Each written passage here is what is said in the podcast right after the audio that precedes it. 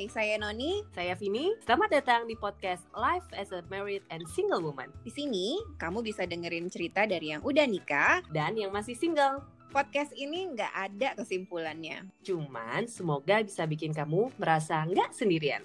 Selamat mendengarkan.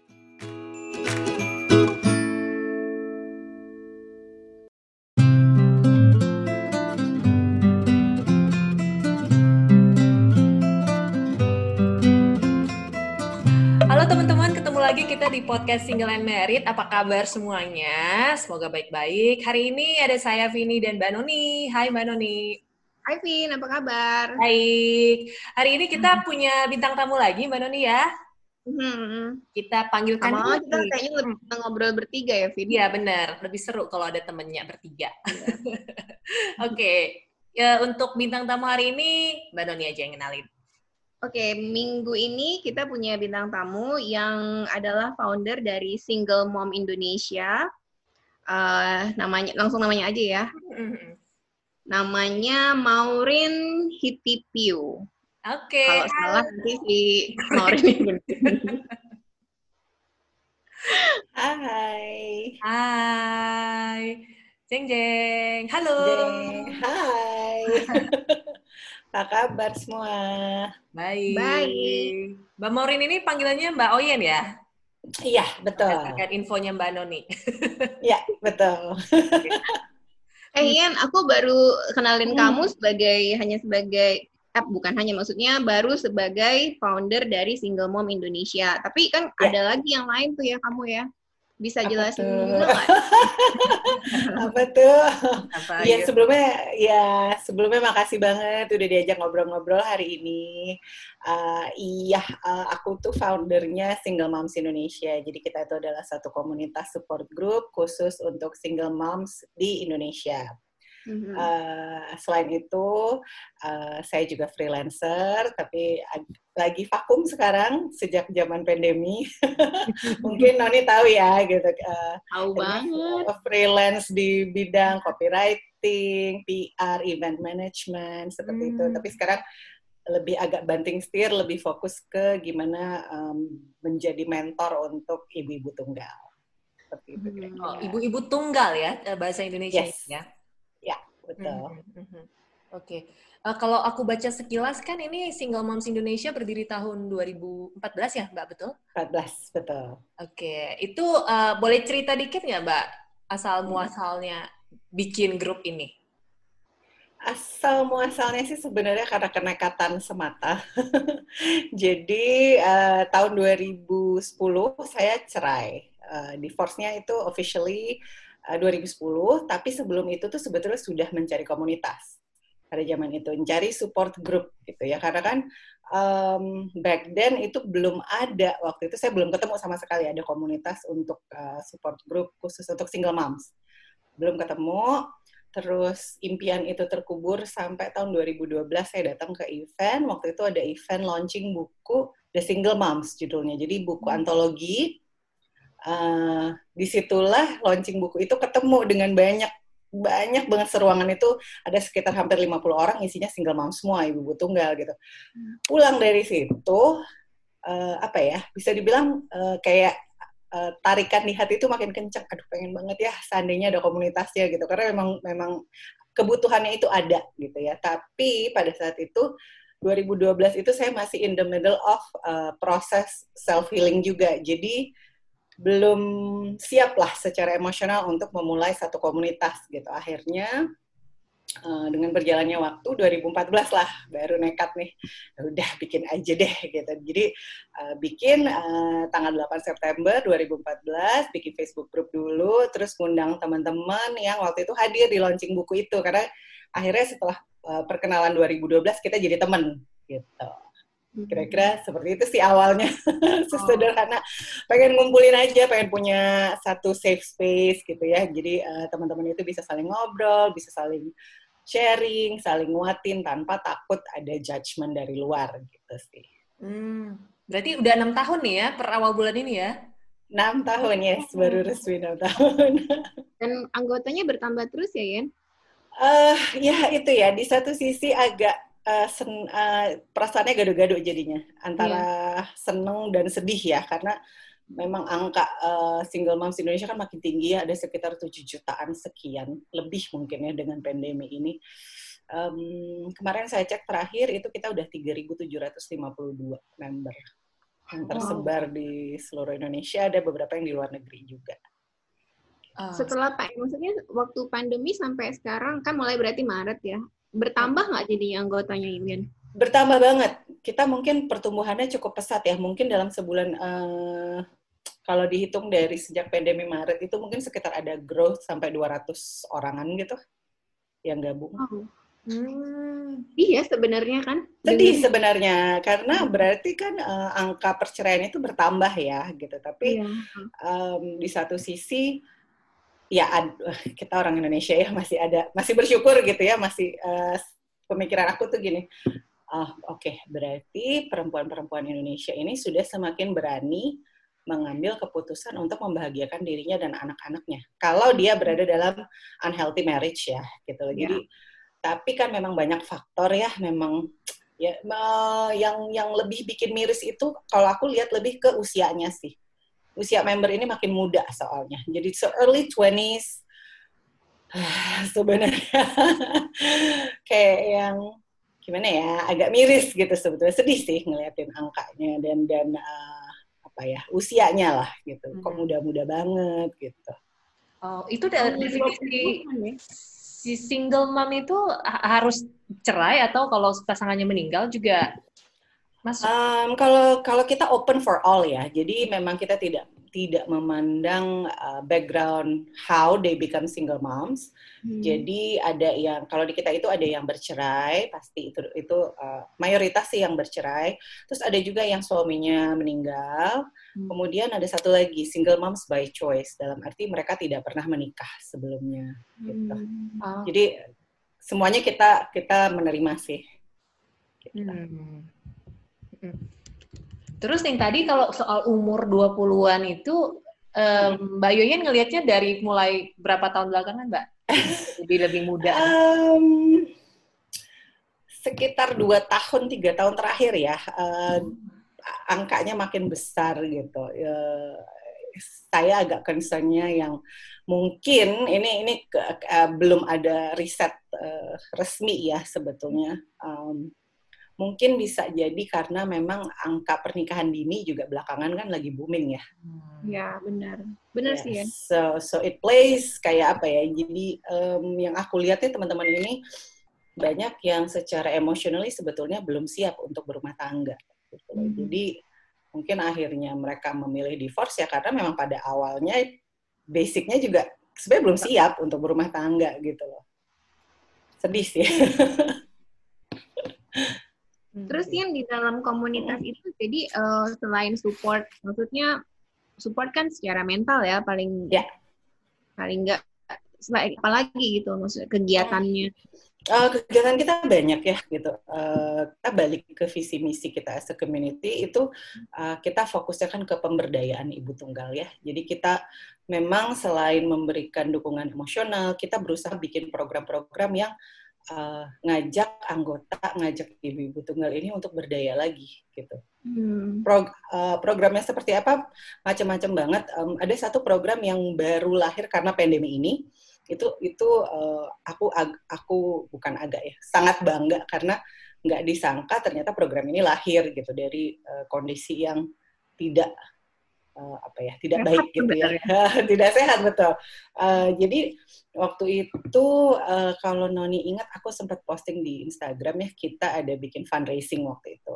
Ya kayaknya nah, tuh awal-awal ya iya di awal. Dia itu hmm. kalau nggak salah masuk bulan kedua.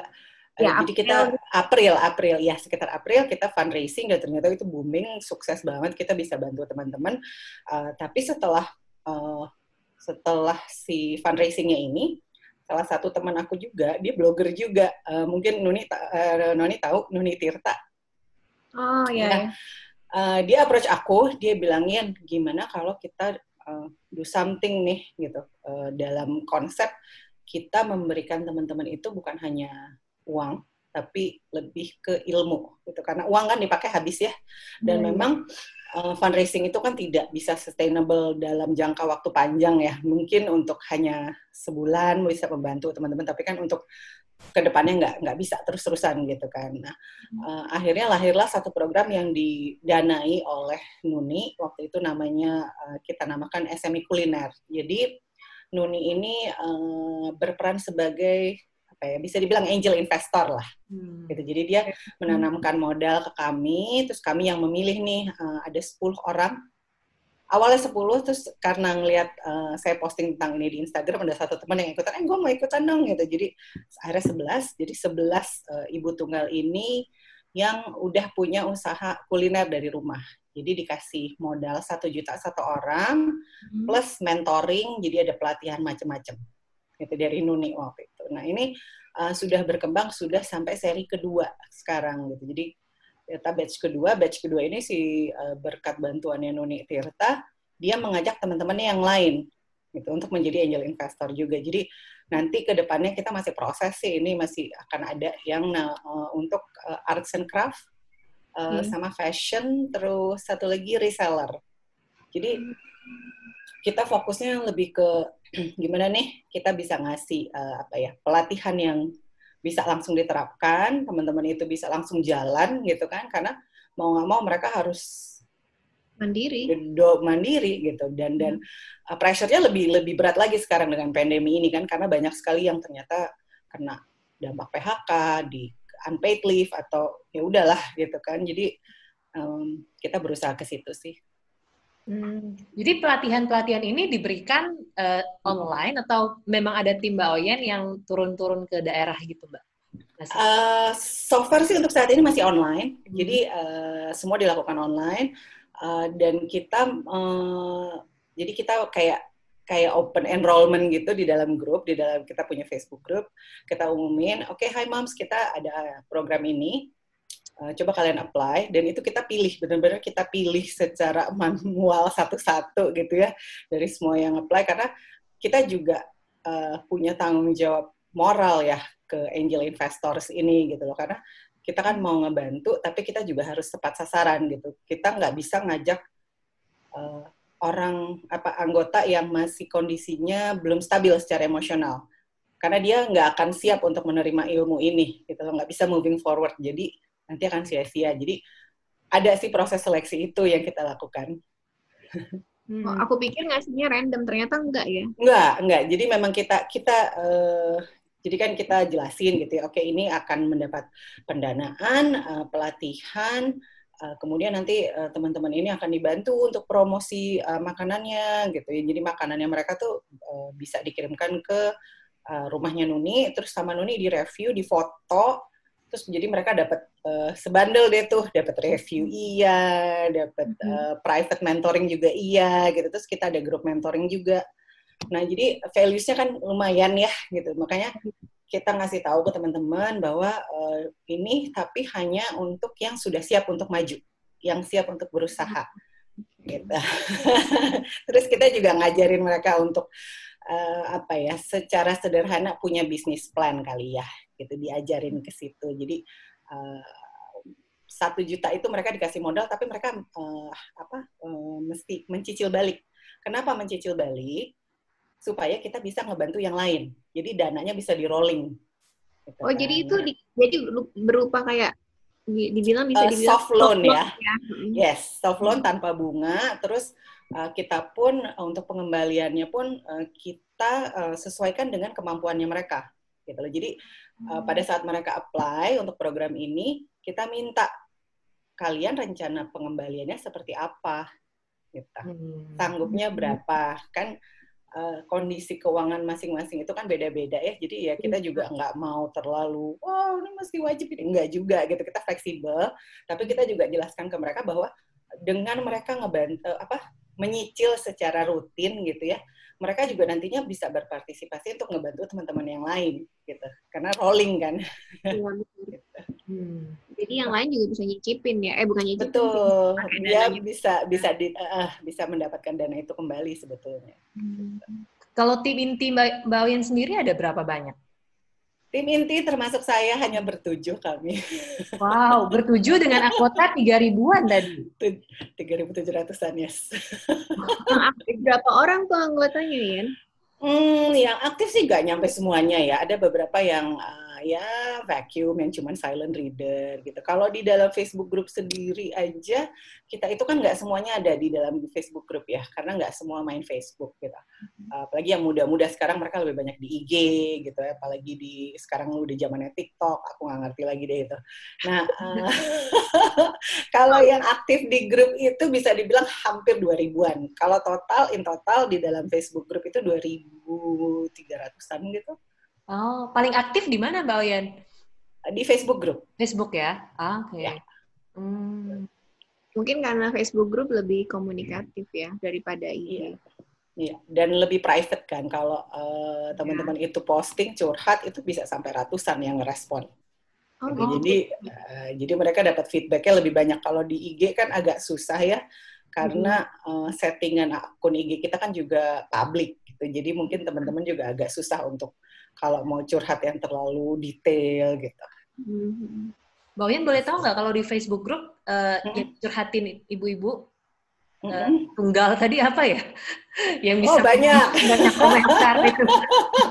itu banyak banyak sekali. Biasanya sih uh, ya personal story mereka ya gitu. Kenapa hmm. mereka bisa sampai jadi single mom itu biasanya mereka cerita gitu. Dan uh, yang aku suka itu dari grup Facebook ini karena kita dari awal uh, punya values yang punya culture yang judgment free zone. Jadi Uh, itu yang kita tekenin dari awal. Jadi setiap ada member baru pun kita welcoming, kita ingetin bahwa oke okay, di sini itu adalah judgment free zone.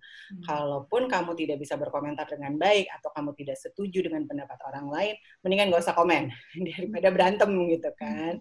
Nah, um, ya, nah itu akhirnya terbentuklah si culture ini. Jadi aku ngelihatnya teman-teman itu sekarang kalau komen tuh semuanya positif gitu loh. Kalau ada yang negatif ya paling satu dua, mungkin karena mereka baru belum kenal culture-nya gitu. Yang dicurhatin biasanya ya gimana proses cerainya kalau dia masih hmm. belum resmi ya gitu. Banyak pertanyaan-pertanyaan, oh proses uh, pengajuannya seperti apa, terus ya yang curhat mengenai uh, masalah emosionalnya gitu. Karena kan orang yang going through divorce itu juga kayak melewati masa-masa five stages of grief itu kan gitu. Jadi hmm. ada anger, ada denial, ada depression sampai akhirnya dia sampai ke titik akhir itu acceptance. Jadi banyak sih yang diomongin.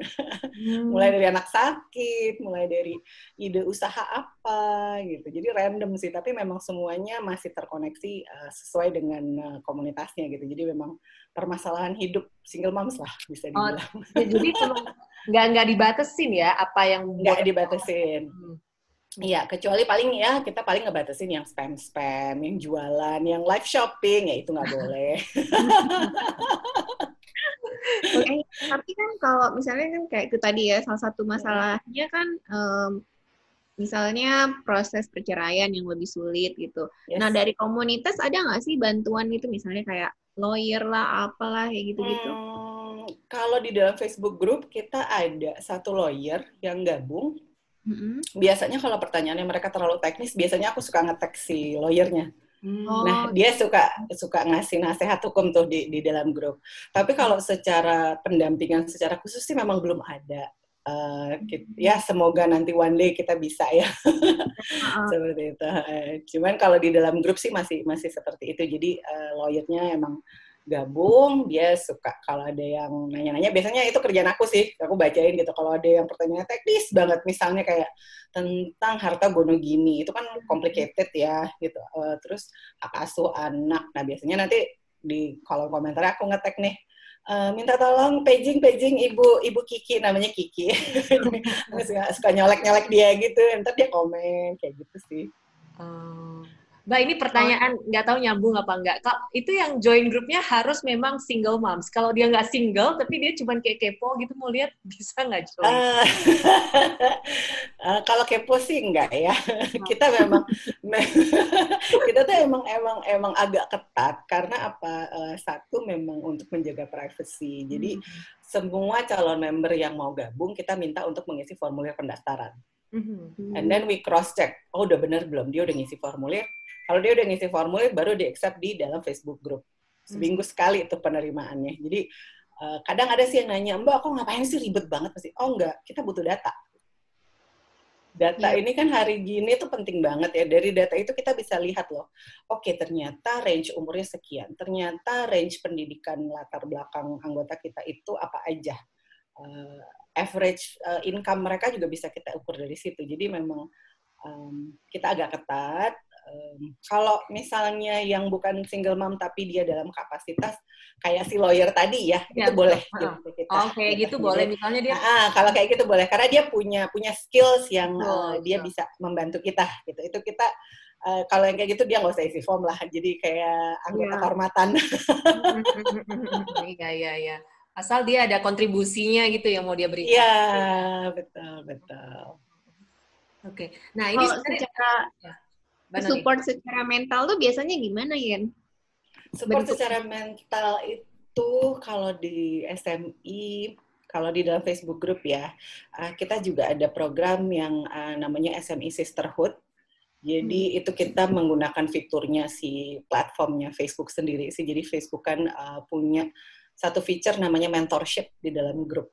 Gitu. Jadi nah, uh, jadi uh, kita sebelumnya kita launching ini bulan Maret kalau nggak salah. Jadi kita sebelumnya udah milih dulu nih yang kita bilang big sistersnya. Jadi mereka-mereka yang sudah uh, damai dengan masa lalu, udah hidupnya udah happy happy gitu. Jadi mereka inilah yang kita angkat uh, secara volunteers. Mereka menjadi big sisters, mereka yang jadi mentornya gitu. Nah ini nanti yang uh, anggota lain yang merasa aku butuh pendampingan ya teman ngobrol lah gitu ya secara secara personal itu bisa ter, terkoneksi nanti dengan si mentornya ini. Itu sih uh, selain pastinya yang di grup ya uh, komennya teman-teman yang saling menguatkan, ada di grup WhatsApp juga. Tapi kalau grup WhatsApp ini memang kita agak lebih jauh lebih ketat dari grup Facebook untuk masuk. Karena lagi-lagi untuk ngejaga privasi kan dan um, kalau di grup WhatsApp kan nomor handphone semua kan terpapar ya, jadi kita memang hati-hati. Uh, jadi syaratnya untuk masuk ke grup WhatsApp itu dia harus sudah jadi anggota ter, terdaftar sebagai anggota minimum 30 hari. Terhitung dari tanggal dia ngisi form. Gitu. Hmm. Itu sih.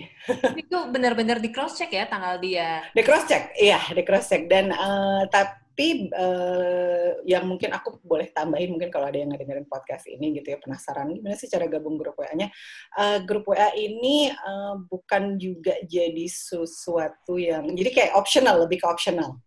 Nah mereka yang request lah yang kita kita cek datanya udah benar belum baru kita masukin. Karena uh, grup WhatsApp kita juga banyak sekarang itu ada 11 kalau nggak salah yang dibagi per regional jadi oh. sebelum pandemi ini tuh sebelum pandemi sebenarnya kita lagi lagi menggerakkan yang di daerah sebetulnya untuk sering-sering bikin uh, ketemuan, sharing session. Kita bilangnya kopdar sih biasanya. Okay. Uh, eh, jadi tapi sekarang karena pandemi jadi stop semua. Online. Cuman ya online, iya betul. Akhirnya kemarin ya kita bikin bikinin online yang kita bagi. Jadi misalnya uh, bagian Indonesia, bagian Timur, uh, uh, Papua, Ambon, Sulawesi, Manado kita jadiin satu semua gitu kan. Terus nanti Kalimantan sama Bali seperti itu. Tapi ya tetap beda ya rasanya kalau ketemu asli sama ketemu di Zoom gitu ya feel-nya. ya ya. Uh, itu apa? Nah, ini pertanyaan nggak ini. Apakah 100% itu adalah semua yang sudah punya anak atau hanya sekedar divorce juga mereka mungkin butuh dan mereka hmm. ada Nah ini banyak sekali pertanyaan. Uh, kami terus terang masih masih di fase masih dipertimbangkan untuk hmm. teman-teman yang divorce gitu ya, yang nggak punya anak untuk join karena takutnya mereka nggak bisa relate. Oh. Karena kan ada hal-hal yang uh, apa um, kalau bercerai tanpa anak kan masalahnya ya pasti ah, ya complicated juga sih gitu ya. Kalau nggak complicated nggak cerai mungkin kan gitu.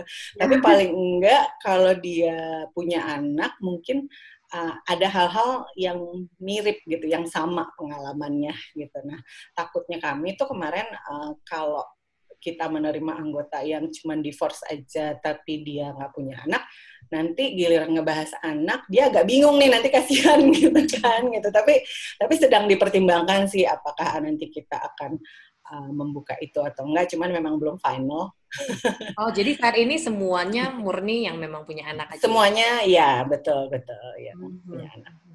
Oke. Nah, ini mungkin eh, aku mau nanya pertanyaan yang umum nih, mumpung Mbak Yoyen kan banyak Mm-mm, ketemu dengan.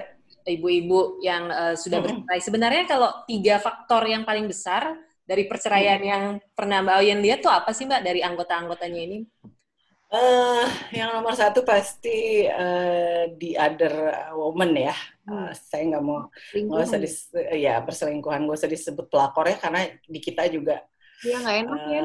nggak enak. I don't like that word gitu loh kayak yang kita menyalahkan perempuan lain gitu. Dan itu pun kita di komunitas juga kalau ngebahas itu tuh pasti, oh pasti rame kan gitu. Itu pasti pengurusnya admin turun gunung semua kalau udah ngomongin itu gitu. Karena Oh. karena pada karena kita nggak mau menjadi satu komunitas yang ngejudge perempuan lain. We never know the whole story kan gitu. Dan dan dalam menurut kita tuh dalam pernikahan itu kan ada lakinya juga. Kenapa kita harus menyalahkan perempuan di other woman aja gitu? Belum siapa tahu dia juga jadi korban gitu kan. jadi nah, memang kata itu agak-agak nggak enak ya. Aku juga nggak suka dengan kata itu. Editor itu. Iya, jadi ya itu faktor infidelitas, itu infidelity itu, terus eh, ada faktor ekonomi juga, dan faktor ekonomi ini kayak yang kita bisa lihat ya kemarin aku lihat di IG story ada berita yang di Bandung di Jawa Barat itu um, karena pandemi angka perceraian naik banget sampai yang ngantri mau cerai itu sampai ngantri sampai keluar-luar gitu, sampai ke jalan gitu, itu gila banget sih. Hmm, Serius nanti gue kirim linknya deh. itu Di Bandung parah kalau nggak salah ya, Jawa Jawa Barat. Jawa Barat ya, karena memang eh, dari data pemerintahan mm, untuk Indonesia yang paling tinggi angka perceraian itu memang Jawa Barat Oh gitu. sampai saat Dari ini. dulu, sa- bukan karena pandemi. dari dulu, dari dulu. Sebelum pandemi pun dia udah nomor satu sebetulnya Jawa Barat paling tinggi Hmm. angka perceraiannya. Nggak tahu lah kenapa. Gitu. ya, ya itu sih paling eh, yang yang paling utama sih itu ya eh, apa masalah perselingkuhan, masalah keuangan, terus eh, pasti ada ada juga yang lain yang sering kita aku lihat itu ya KDRT biasanya gitu dan Hmm. KDRT juga bentuknya nggak semuanya eh, fisik ya, ada yang emotional abuse juga. Itu sih. Oke. Ya. Kalau Emang gitu. topiknya berat ya. topiknya berat. Eh, terus kan tadi kan eh, tadi Mbak Oyen sempat bahas soal lima tahap grieving itu kan ya. Iya, iya. Kalau- Kalau dari pengamatan Mbak Oyen lagi terhadap semua anggota Hmm. itu sebenarnya di tahap paling mana sih? eh, tahap yang mana anggota-anggota ini ada di tahap paling sulit dan paling butuh hmm, apa? eh, inilah pendampingan gitu. Hmm, yang ini agak susah kejawabnya karena karena gini karena tiap orang itu fasenya beda-beda ya.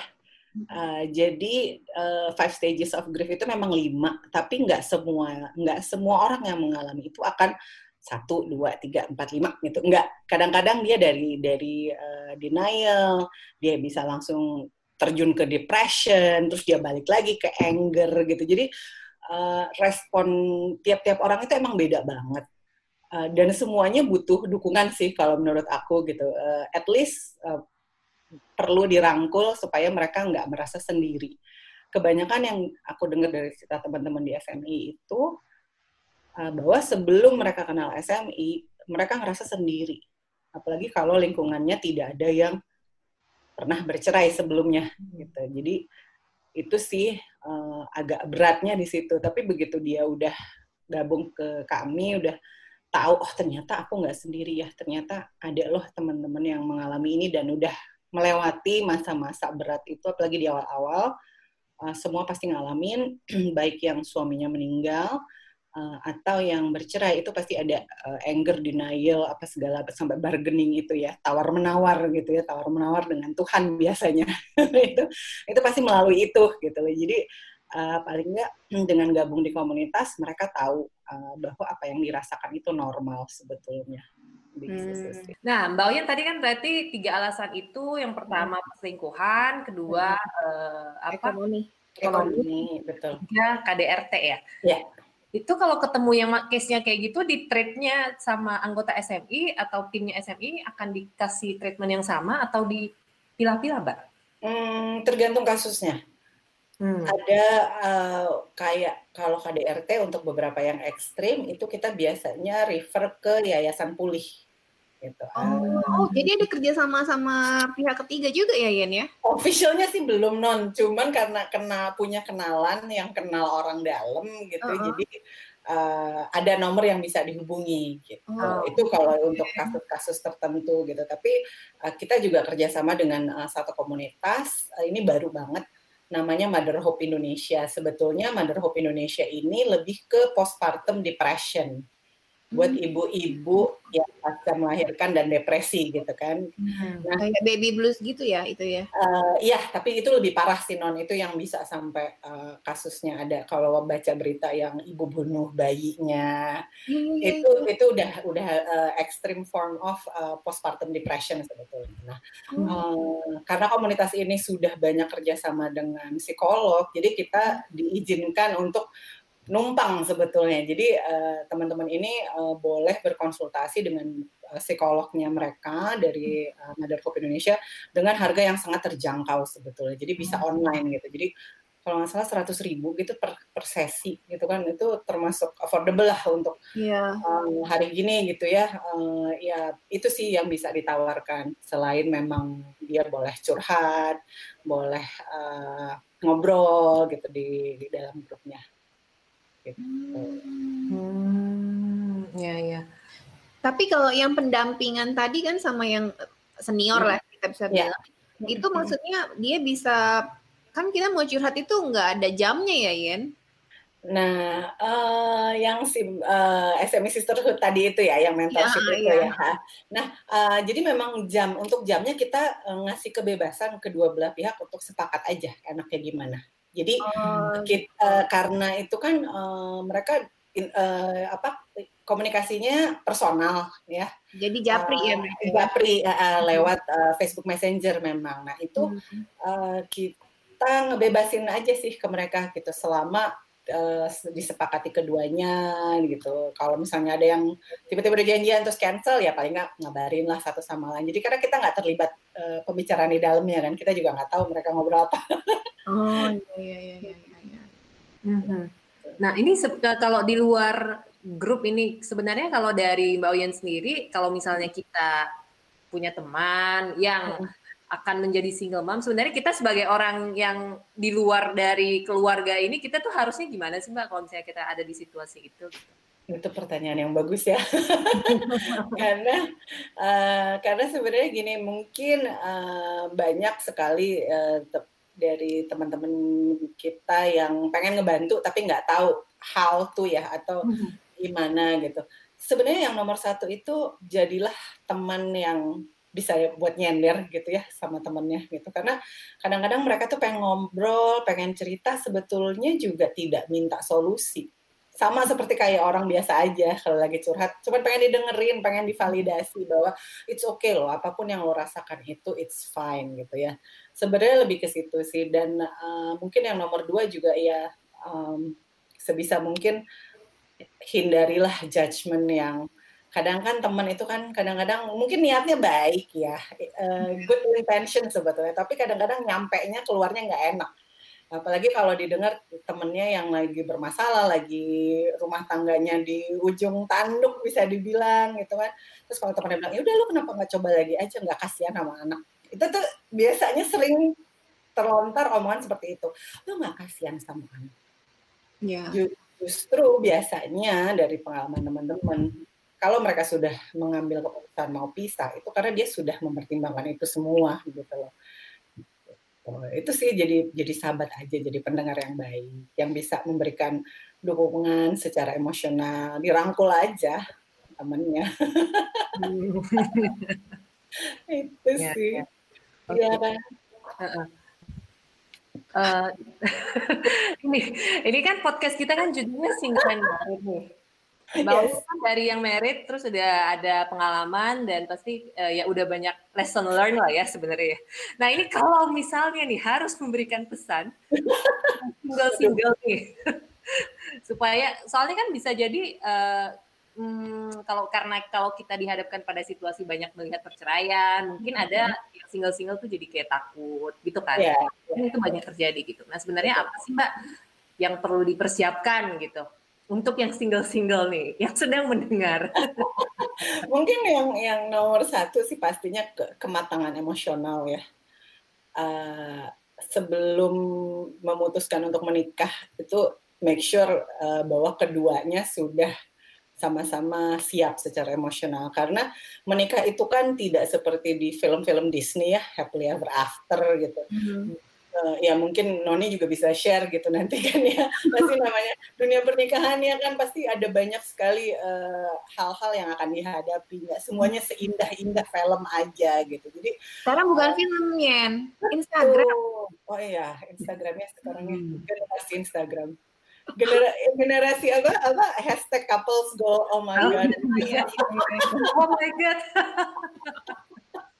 Iya, jadi ya make sure itu lah. Kalau misalnya takut akan perceraian, ya nggak nggak usah. Ya itu udah bagian dari hidup ya. Hidup kan uh, resiko. Pernikahan juga ada resikonya uh, yang pernikahan baik-baik pun maybe one day suaminya meninggal kita nggak pernah tahu kan kalau suaminya meninggal duluan dia akan jadi janda juga gitu kan uh, jadi uh, itu terus kalau bisa sebagai perempuan uh, berdirilah di atas kaki sendiri jadi kita tidak menggantungkan kehidupan kita 100% kepada calon pasangan atau suami gitu ya. Jadi bukannya mengajarkan yang tidak baik, tapi menurut aku penting sih untuk perempuan supaya bisa berdaya. Gitu. Hmm mandiri mandiri betul penting banget mhm, mhm, mhm. nah ini satu lagi kalau misal ini kan uh, Mbak Oyen kan bikin ini dulu 2014 kemudian sekarang uh, dari yang anggotanya 30 50 terus sekarang udah tiga ribuan gitu pernah nggak sih kayak aduh capek juga ya ngurusin tiga ribuan ibu-ibu gitu kan oh, paling nggak beberapa belajar ribut ya tiga ribu tuh gimana gitu ya uh, pasti ya namanya banyak orang, banyak kepala, banyak pikiran. Uh, ya pasti ada sih momen-momennya di mana aku capek dan itu juga nggak uh, cuman saya sendiri. Maksudnya semua yang mengelola komunitas pasti pernah ada masa-masa itu. Memang kalau kita nggak hati-hati, kalau self care kita kurang juga bahaya karena kita bisa burn out. Karena ngurusin orang segitu banyak, apalagi uh, komunitas kita banyak cerita-cerita yang cenderung uh, energinya negatif. Nah, kalau nggak, itu aku pernah ngalamin di awal-awal, uh, waktu anggotanya belum begitu banyak, masih sekitar 500-700an gitu, aku yang masih berusaha semua yang ngejapri aku jawab, semua yang ngejap, yang pengen curhat aku ladenin. Akhirnya aku sendiri sakit karena nggak tahan. nah, tapi ya ke sini-sini ya belajar sih kalau udah misalnya udah mulai capek banget, udah mulai mentok nih, udah udah rasanya pengen balikin meja aja tiap hari. ke bawah ya Yen, emosi ya? Ke bawah. Kalau kita nggak bisa uh, grounding, nggak bisa protecting our energy, akan ke bawah. Karena uh, itu hal-hal negatif kan yang dikeluarkan ini sampah-sampah energi negatif sebetulnya. Nah kalau kitanya memang nggak bisa protek ya akan ke bawah gitu. Biasanya sih aku kenapa? Apalagi kalau yang curhat, curhat mulu tapi nggak dilakuin kan, itu kan bikin emosi. Campur campur sama gemes ya. Iya, iya, iya. ya benar sih itu benar-benar tapi kayak itulah balik lagi kalau misalnya udah mentok banget paling aku uh, ambil sehari dua hari tiga hari paling banyak seminggu gitu ya aku step away dari komunitas aku titipin ke admin yang lain. Udah cuti dulu ya bentar. Napas dulu kalau enggak nanti stres. Tapi yang bikin tetap uh, lanjut itu apa mbak? Uh, itu aduh pertanyaan yang aku susah jawabnya kan karena satu mungkin udah passion aku di situ ya gitu.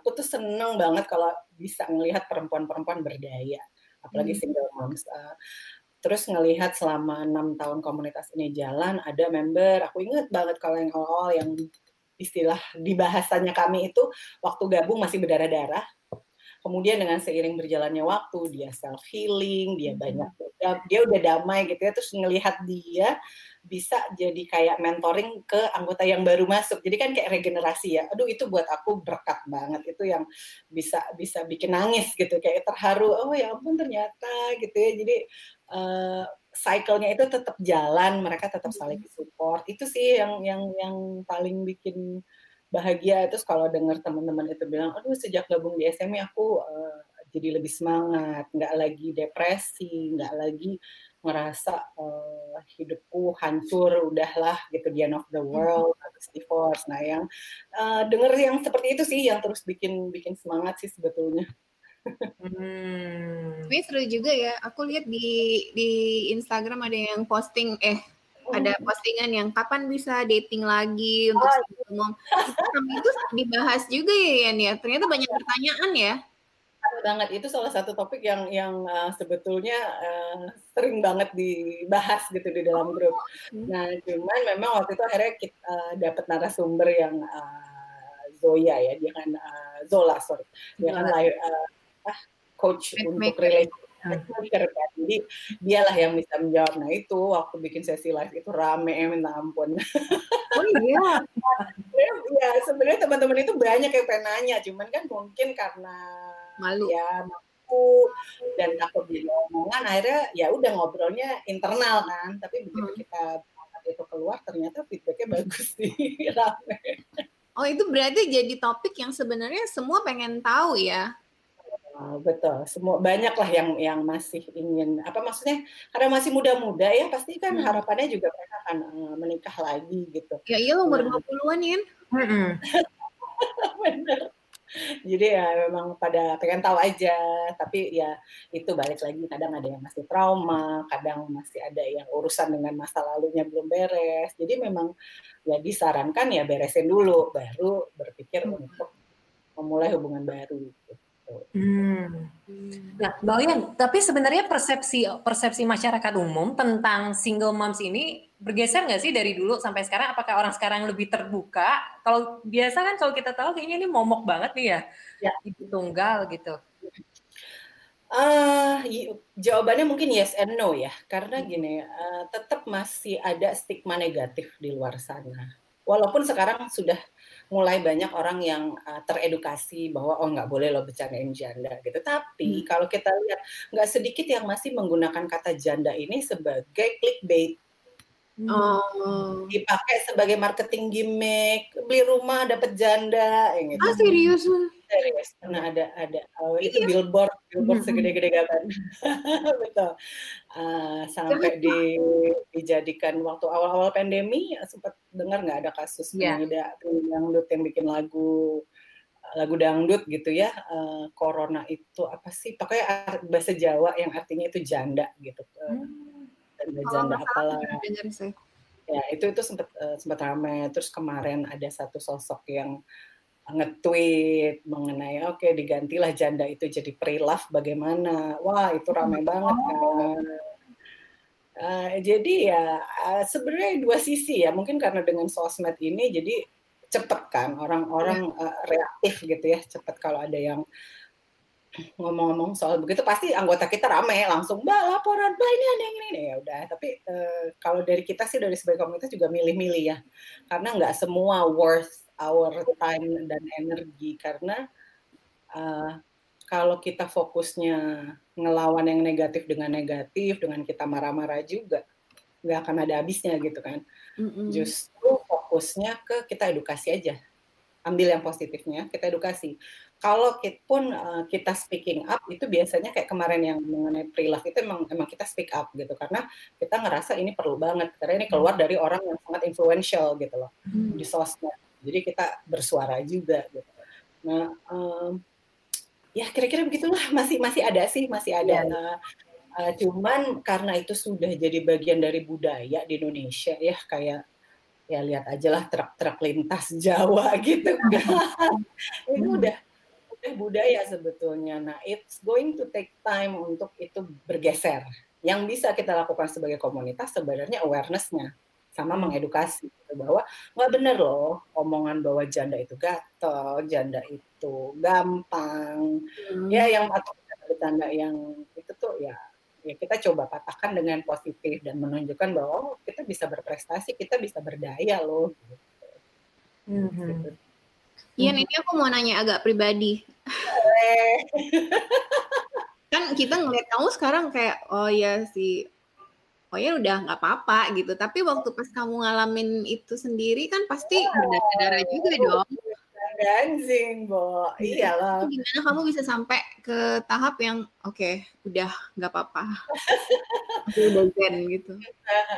itu butuh waktu banget sih ya dan uh, emang balik lagi aku ingetin lagi bahwa proses tiap orang itu beda-beda. Uh, mm -hmm. Jadi healing proses healing itu kan nggak linear ya. Jadi uh, entar hari ini baik-baik aja, eh besok tiba denger lagu dulu sama mantan suami langsung ambiar nangis lagi, that's normal hmm. gitu. Aku juga butuh kalau aku pribadi waktu itu sekitar dua tahun lebih lah baru bisa ada di titik yang oke okay, aku sudah baik-baik aja nih ngelihat mantan udah nggak pengen nabok gitu kan. Ya, ya. Tapi ya emang proses juga sih non dan itu tuh hmm. banyak kebantu lewat blogging sih sebetulnya lewat aku nulis. Uh, ya, jadi nulis ya Hmm, jadi memang medium aku untuk terapi waktu itu kebetulan nulis. Jadi ya itulah yang yang ngebantu aku. Tapi memang proses untuk tiap orang kan beda-beda. Ada yang dibawanya lari, jogging atau olahraga yang lain gitu. Ya nggak apa-apa juga, jalanin aja. Cari aja yang mana yang cocok sama pribadi masing-masing. Karena benar-benar nggak ada one size fits all ya. Nggak yeah. ada yang ngejual obat hati. dan itu wajar maksudnya kalau kita sedih kita marah kita banget. nangis ya kan? Banget banget. Itu manusiawi banget sih. Kalau aku uh, di SMI selalu bilang sama teman-teman uh, perasaan itu kan kayak hantu ya. Kalau makin kita deny dia akan makin menggentayangi gitu loh. Jadi mendingan dinikmati aja. Kalau emang lagi sedih ya sedih aja nggak apa-apa. Kenapa harus berpura-pura kuat? Kalau hmm. ternyata itu malah justru dari pengalaman dan dari ngeliat teman-teman kalau yang pura-pura ini biasanya proses healingnya akan lebih lama oh. karena dia oh. dia denial dia nggak mau menghadapi perasaannya dia kan oh gue baik-baik aja fine fine iya. aja tapi ternyata begitu ada kejadian sesuatu yang berhubungan dengan mantan langsung gitu kan hmm. kesenggol ya jatuh lagi gitu kan ya nggak apa-apa sih tapi memang tiap orang beda-beda lah prosesnya iya iya Oke, okay. uh, eh, yang terakhir mungkin kalau kita mau melihat aktivitas single moms, kalau Instagram kan single moms Indonesia ya, Mbak Oyen ya. ya. Kalau yang ya. lain bisa dikenalin juga Mbak? Akun. Uh, akun yang lain Facebook page juga sama namanya Single Moms Indonesia atau ke website kita aja singlemomsindonesia.com. Hmm, YouTube juga ya? YouTube namanya juga uh, Single Moms Indonesia. Oke, okay. terus Mbak Oyen sendiri masih aktif nulis? Aktif nulis? Uh, menulisnya sekarang lebih ke journaling aja. Kalau untuk blog, blognya lagi mati suri. Padahal mau intip loh. lagi nggak keurus. Kayaknya blog itu udah semua blogger deh kan, hampir. Ya, ya, udah lelah kayaknya ya. Orang sekarang udah micro blogging aja kan. Iya. Instagram. Kalau mau gabung gimana caranya? Kalau ada yang dengerin itu pengen boleh, boleh. Ya, uh, isi formulir pendaftaran dulu. Formnya ada di website kita. Uh, sekali lagi single moms in pakai S ya, uh, momnya singlemomsindonesia.com. Nanti ada tabnya pendaftaran. Nanti diisi aja. Setelah diisi dengan lengkap, uh, teman-teman akan menerima email langsung dari kita. Jadi auto generated email. Hmm. Nanti di dalam emailnya itu ada welcome message-nya, ada link untuk ke Facebook group. Kalau nggak punya Facebook masih masih boleh tetap gabung tapi tetap isi formulir aja. Nanti kalau kita ada event, ada kegiatan, pasti uh, akan terima newsletter dari kita. Hmm. Dan tadi kalau misalnya dia punya skill tertentu dan pengen berkontribusi, boleh banget, yes. gitu ya. Ya, kalau itu boleh japri ke aku pribadi. Oh iya, japri aja ke Instagramnya Mbak Oyen. boleh Apa banget. Instagramin? Uh, morin.hitipeu. Nah, Hitipeu itu cara bacanya mbak. ya, makanya mbak maaf tadi kan. Aku juga nggak mau nyebut nama belakangnya takut salah baca. Agak susah ya. Mohon maaf ya ini warisan. Oke, okay. uh, dari Mbak Nuni ada lagi yang mau disampaikan? Enggak, semoga apa ya, semoga si single moms Indonesia makin gede ya Yen ya. Maksudnya bukan makin gede gimana kan anggotanya, jangan juga ya kan. Serba salah ya. Ini serba salah, ya, maksudnya ya, ya makin banyak kegiatan yang lebih bagus. Amin, amin. Banyak ya. ibu-ibu yang bisa dibantu juga gitu. Terima kasih banyak Noni. Oh iya ada lagi yang mau disampaikan buat yang lagi dengar sekarang? Uh, buat uh, para perempuan di mana pun yang berada yang ngedengerin uh, podcast ini, uh, harapannya saya sih mudah-mudahan semua perempuan di Indonesia itu bisa berdaya apa pun kondisinya karena um, semua perempuan itu berharga di mata Tuhan. Uh, semua diciptakan dengan indah dan sempurna oleh Maha Pencipta ya. Jadi uh, sayangilah diri kita sendiri dan ya itu sih yang paling penting berdaya sebagai perempuan. berdaya sebagai perempuan. Terima kasih banyak Mbak Oyen udah bergabung sama kita di sini. Thank you, Yen, udah mau ngobrol. Nanti kapan-kapan kita ngobrol lagi kali ya? Boleh, anytime, boleh anytime. Okay. Thank you, bye-bye. Bye. Oke, itu dia tadi obrolan kami bertiga dengan Oyen dari hmm. Single Mom Indonesia. Gila ya, hmm. ya, Vin? seru banget ya obrolannya ya. Uh-huh. Uh, maksudnya seru karena pertama jadi kita jadi tahu gitu uh, sebenarnya ibu-ibu tunggal yang ada di luar sana itu punya wadah seperti Single Moms Indonesia yang ngasih banyak bantuan sebenarnya Mbak Luni ya.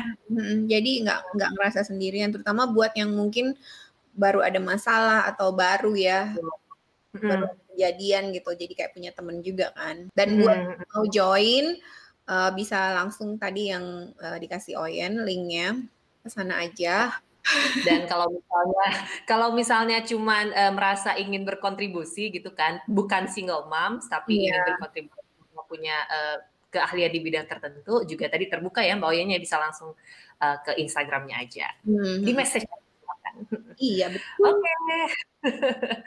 Jadi sampai di sini aja obrolan kita.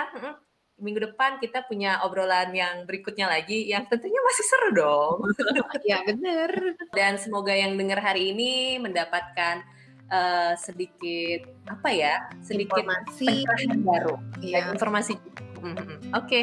terima kasih sudah mendengarkan. Kita ketemu lagi minggu depan. Bye. Bye.